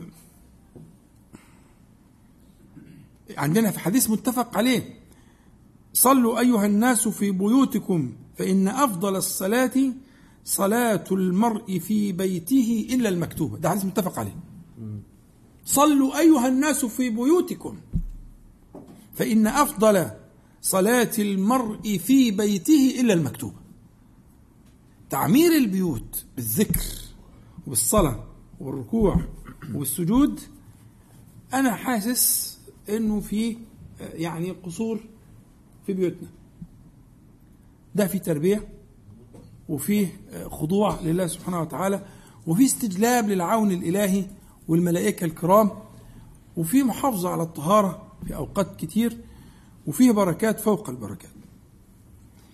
آه، يبقى إنه فكرة اسمها أنا عديت العشر دقايق بس ما عشان نكمل الموضوع اللي هي فكرة آه، آه، مساجد البيوت. التعبير ده قد يكون مش مألوف قوي لكن هنحاول نقربه للفكرة. مساجد. يعني يكون في البيوت في مساجد. يعني إيه مساجد؟ مساجد مش معناها يعني يعني لو سجادة كده متر في في نص متر هي دي ده مسجد. يعني مكان مكان للسجود. فيكون في مساجد البيوت سيما للنساء. سيما للنساء. آه، امرأة آه، أبي حميد أم حميد أبي حميد السعدي لما قالت النبي عليه الصلاة والسلام إني أحب الصلاة معك قال قد علمت أنك تحبين الصلاة معي. مش عايز كلام قد علمت. لكن صلاتك في بيتك خير من صلاتك في حجرتك. وصلاتك في حجرتك خير لك من صلاتك في دارك. وصلاتك في دارك خير من صلاتك في مسجد قومك. وصلاتك في مسجد قومك خير من صلاتك في مسجدي. وفي رواية مش لنفس القصة لكن في مخدعك اللي هو يبقى هيبقوا عندنا ست مراتب. المخدع والبيت والحجرة والدار ومسجد القوم ومسجد النبي عليه الصلاة والسلام. ست رتب. يعني في خمس رتب قبل مسجد النبي عليه الصلاة والسلام اللي هو بألف صلاة. اللي هو بألف والنساء فإحنا بنتكلم في إيه؟ بنتكلم في مساجد البيوت. هي في قصة أم حميد فأمرت فبني لها مسجد في أظلم بيتها. في أدخل حاجة ما فهمت بقى؟ فكانت تصلي فيه حتى لقيت ربها. يعني فهمت ده؟ عن النبي عليه الصلاة والسلام. فاحنا بنقول إيه؟ بنقول إن يبقى في أماكن في البيت أماكن دي معناها يعني متر في, نص متر يعني مش أماكن يعني. في مكان هي بتقعد فيه بتستنى ساعة الشروق مثلا. تصلي الفجر وتقعد تذكر ربنا لغاية لما الشمس تطلع. ثم ترت- ترتفع ثم تصلي ركعتين. بتقعد فيه ساعة الإجابة من الجمعة بت- بت- تذكر فيه بتختم فيه القرآن الكريم إلى آخره. يبقى في مسجد في البيت. في مكان للسجود. المسجد هو موضع السجود. في مكان للسجود مطهر نظيف مش العيال مثلا كده إذا كان العيال بت آه، آه، إلى آخره. ها؟ مصان عن النجس وعن الحدث وعن البتاع. يبقى مكان حاجة مكان. يبقى مسجد. هذا المكان يكون فيه من الذكر. وانت مأمور أن تعمره. صلوا في بيوتكم. فإن أفضل صل- صلاة المرء في بيته إلا المكتوب. حديث متفق عليه. خلاص؟ فيبقى أنت هتصلي وهي هتصلي في موضع أو في مكان بنحرص على طهارته بيكون مستور. طبعا كلمة إيه؟ إحنا بنتكلم في المخدع. وبعدين ال- البيت وبعدين الحجر. كل الفكرة دي فكرة إيه؟ فكرة ستر بالنسبة للمرأة. فيكون أستر يكون أظلم يكون أطهر ها؟ بعيد عن وصول الأطفال واللي هم لا لا يتحكمون في طهارتهم إلى آخره. الفكرة فكرة إنه تعمير البيوت بالإيه؟ الصلاة بذكر الله تعالى في الصلاة والركوع والسجود من النساء والرجال. ف المقترح صلاة ركعتين قبل الخروج وصلاة ركعتين بعد الدخول. تقيلة ولا موافقين؟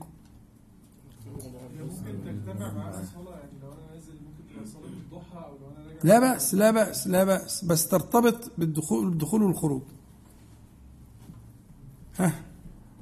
تقيلة؟ الله المستعان. متفقين؟ ما إحنا نتعاهد ونتعاهد هنا في دين بعض إن شاء الله. خلاص؟ يعني خلاص مفيش دخول ولا خروج غير بركعتين خفيفتين جدا إن شاء الله. دخلت متوضي صلي مش متوضي خش اتوضى وصلي. بعد كمل بقى كلامك واعمل اللي أنت عايزه. لكن خلاص هم يتعودوا على كده. أول حاجة بتعملها أول ما تخش تخش تتوضى وتروح تصلي ركعتين. ونتكلم شوفوا أنتوا عايزين إيه.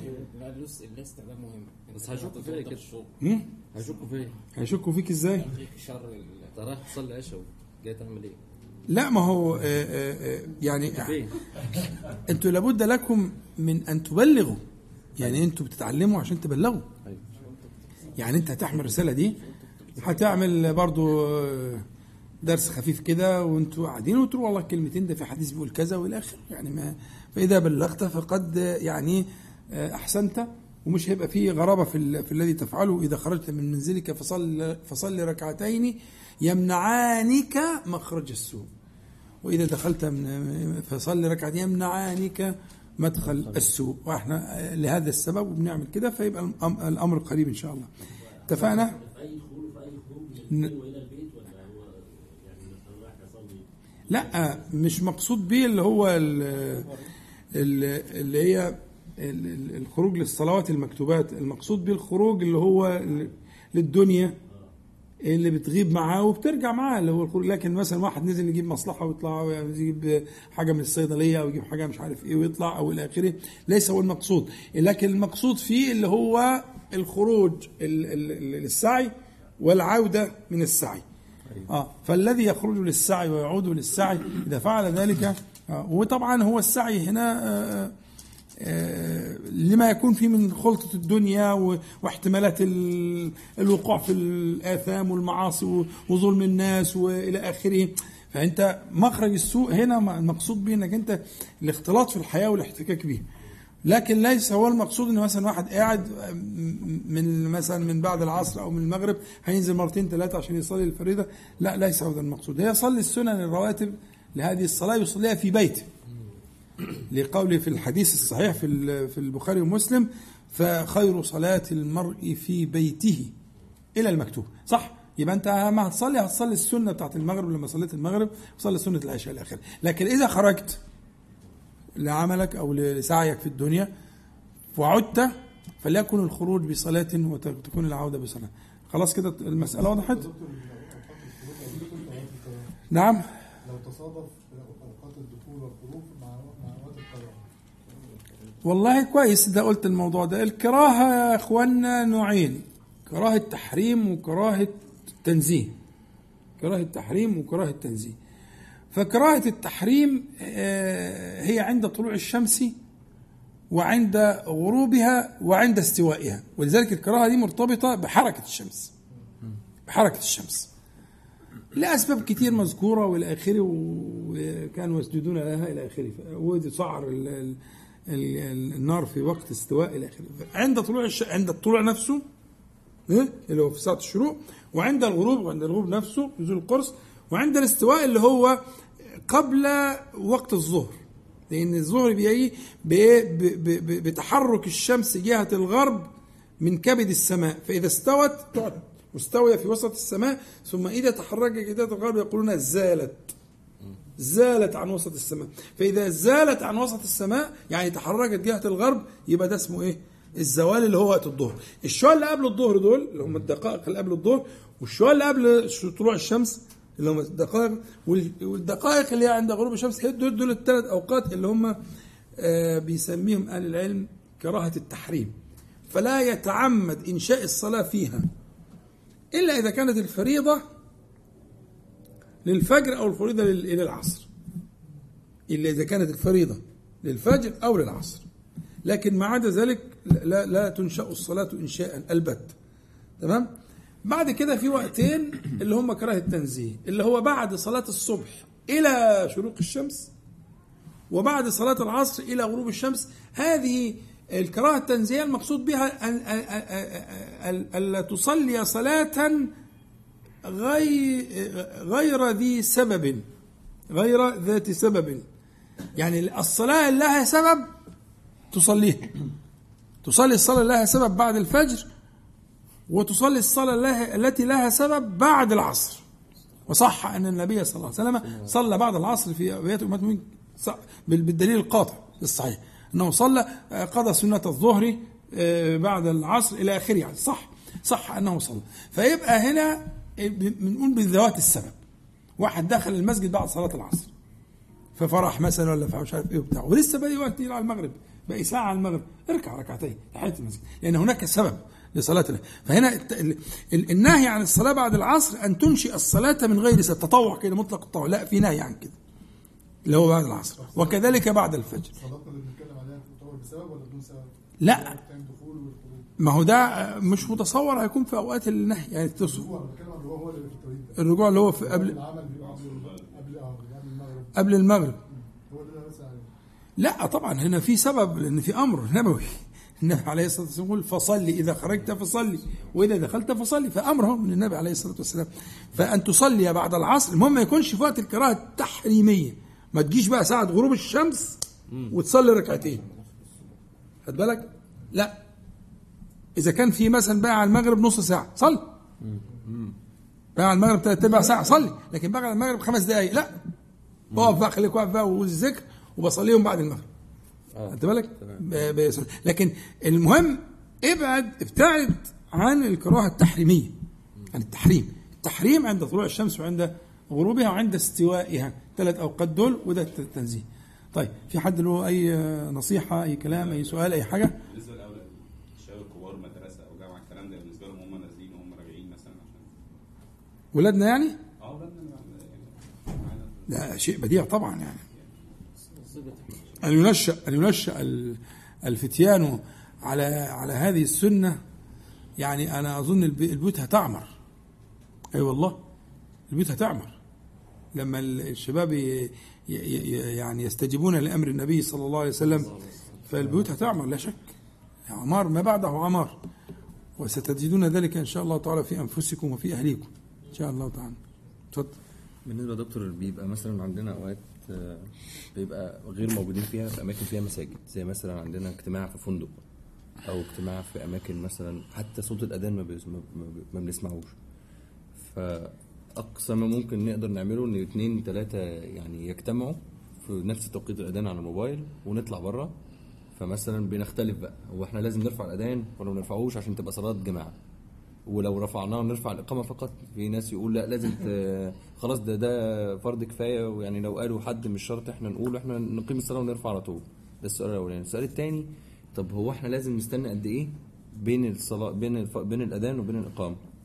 بس دي والله تعالى. هو آه، وهل هتحسب أصلا صلاة جماعة كده لما الناس تقوم في ساعتها وتصلي في المكان اللي هو أصلا ممكن يبقى ممر ناس ماشية رايحة جاية قدامنا ولا؟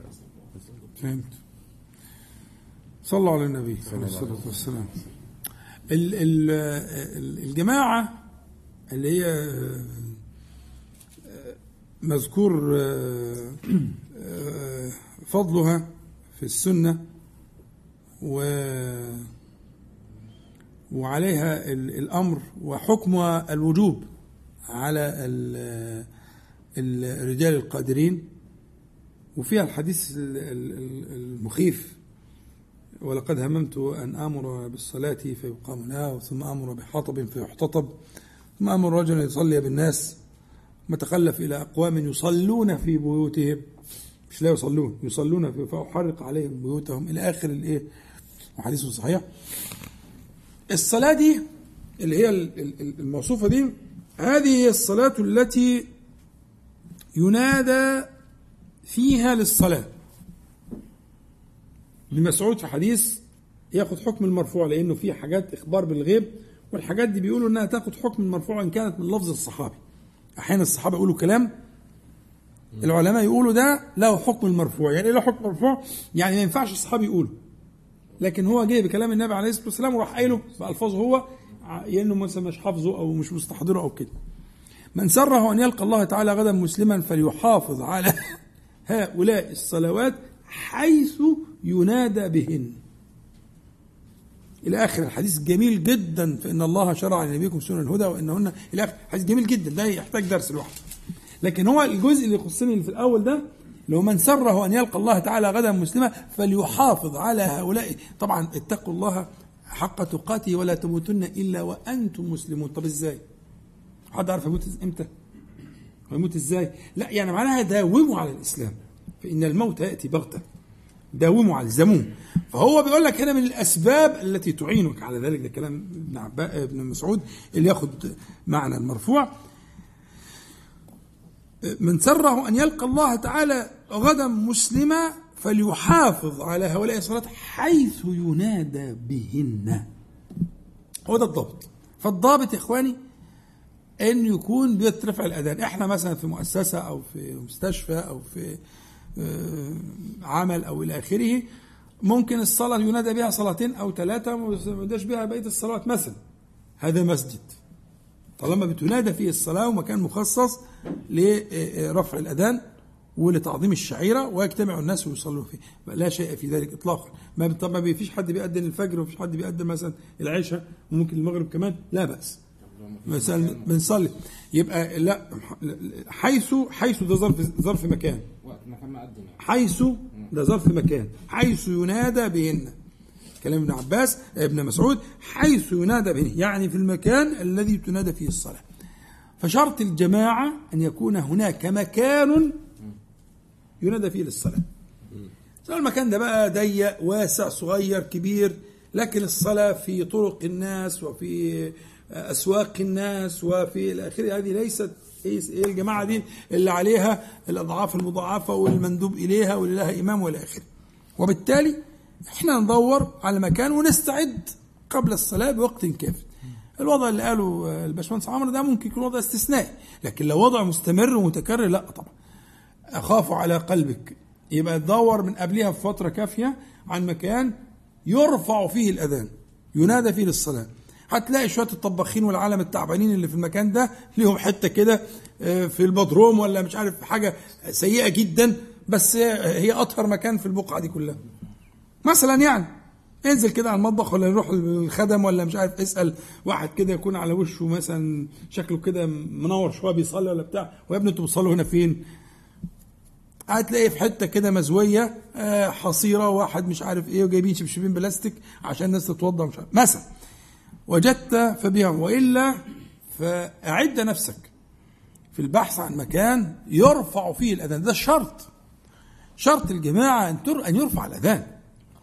آه لكن ده إذا كان أمر متأ... لا كان مرة كده ولا حاجة بقدر الله ما شاء فعل وعافى الله عما سلف لكن أعد للصلاة عدتها. وما كنت فيه من شأن فالصلاة فالله أكبر. فالله أكبر. تمام؟ أما مسألة عدم سماع الأذان فالوسائل الحديثة دي عادت يعني وإن كانت ليست هي الخيار لكنها يعني فمن اضطر غير باغ ولا عاد فلا بأس أنت تردد الأذان مع الأجهزة اللي هي الهواتف والحاجات اللي زي كده آه، آه، وإن كان هذا ليس الخيار. لكن هروح أصلي أصلي فين؟ أصلي في المكان اللي بينادى فيه. ويرفع فيه الأذان. وإلا فليست جماعة وليست هي السنة. وأنت على الخطر إذا كان الأمر ده متكرر. تفضل يا باشمهندس ساعات الواحد بيقع في مثلا ان هو يكون مثلا مصلي العشاء في المسجد واقول اصلي هنا ولا في البيت لا الحديث بيقول افضل صلاه المرء في المرء في بيته فلا اصلي في البيت أروح البيت إيه انسى مثلا واكسل والاقي نفسي خلاص مش قادر سنة العشاء؟ آه مثلا يعني. آه ده اسمه ده اسمه كويس. ده اسمه آه، آه، آه، سد الذريعة يعني إن علمت من نفسك أنه يغلب على ظنك أن يصيبك الكسل فصليها في المسجد. طبعا مش عايز كلام ده ده اسمه سد الذريعة وإحنا ما متعبدين بغلبة الظن. أنت غالب على ظنك إيه؟ لو غالب على ظنك أنت عارف من نفسك إنك أنت جربت روحك كم مرة وما نجحتش لا طبعا. صليها حيث أنت. وربما تتوسل إلى الله تبارك وتعالى أنه يوقظ قلبك وأنك أنت تعمل حاجة تانية في البيت. وأنت بتصلي كده قول يا رب خد بإيدي. توسل إليه وأنت ساجد.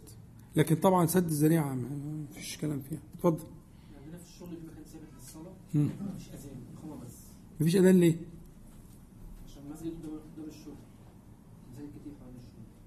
ممنوع النزول في صلاة الظهر. لا مش فاهم أنا. ليه ما فيش اذان؟ ما حدش بيأذن هو يعني طب ما لو انت أذنت هيعملوا فيك إيه؟ أنا شايف حصل في مشاكل يعني. إحنا ممنوعين من النزول غير صلاة الظهر بس. لا لو انت أذنت في نفس الم- ال- المسجد اللي في ال- اللي في داخل شغلك. مشكلة. مشكلة. إزاي بقى؟ وضح لي؟ إحنا كان عندنا مشاكل على موضوع الصلاة في الشغل. آه. يعني بننزل نصلي في المسجد قدام الشغل على طول. آه. وبعدين حصلت مشاكل اتمنع من الصلاة غير صلاة الظهر بس. كويس. ومبقاش حد ينزل يصلي في آه. ها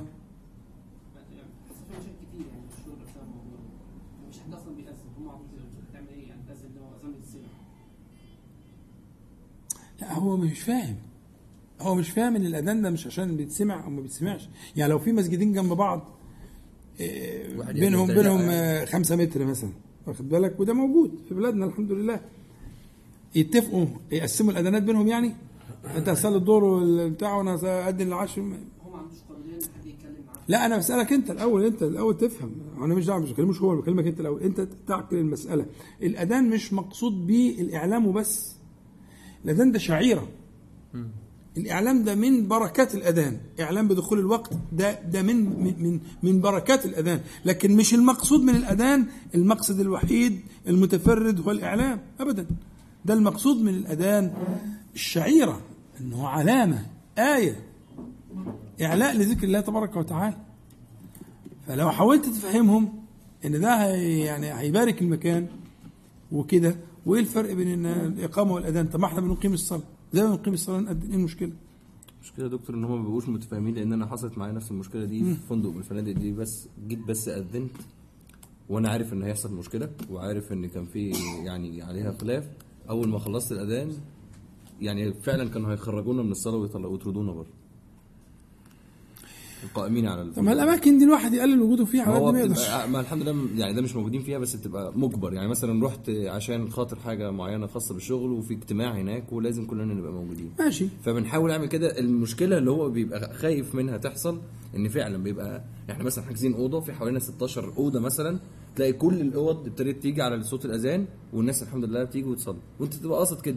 هو بيبقى متضايقين جدا جدا من حاجة زي كده. آه. وتخرج تتكلم معاه. يعني هو الفرق بينك وبين أحمد ان إن دي حاجة بالنسبة لك آه، طريقه وهو عنده يعني تاخد حكم النادر لكن هو بالنسبة له حاجة يومية. مش كده؟ آه فهي الفرق. بس إن بالنسبة لحضرتك الموضوع قريب يعني. الحمد لله. يعني ما فيش مشكلة إنك أنت ممكن تعمل كده و... ويزعلوا أو تشوف مكان تاني تصلي فيه. لكن بالنسبة لأحمد ده موضوع متكرر ممكن تتفاهم معاهم يعني لهم مش يعني هنقدم بصوت حلو جميل مثلا أو إلى آخره. إيه المشكلة يعني؟ لا حاول حاول في موضوع الأذان. بس عشان نخرج من بره الخلاف وإن المسجد لا يكون مسجدا إلا بالنداء. أذن بس ما تعليش صوتك قوي مثلا. مثلا. يسمعك القريبين. آه، خدهم كده سنة سنة لغاية لما ربنا يهديهم وي... مثلا تفنن تفنن في في في الوصول و... ولك أجر لك أجر إن شاء الله تعالى. طيب في حاجة؟ في حد عنده أي نصيحة ولا حاجة؟ ما بريتش روح خلاص نسأل الله تعالى أن ينفعنا جميعا بما قلنا وما سمعنا وأن يجعله حجة لنا لا علينا رب العالمين. اللهم صل على محمد النبي وأزواجه أمهات المؤمنين وذريته وأهل بيته كما صليت على آل إبراهيم إنك حميد مجيد. الحمد لله رب العالمين. نقول جميعا سبحانك اللهم ربنا وبحمدك. أشهد أن لا إله إلا أنت.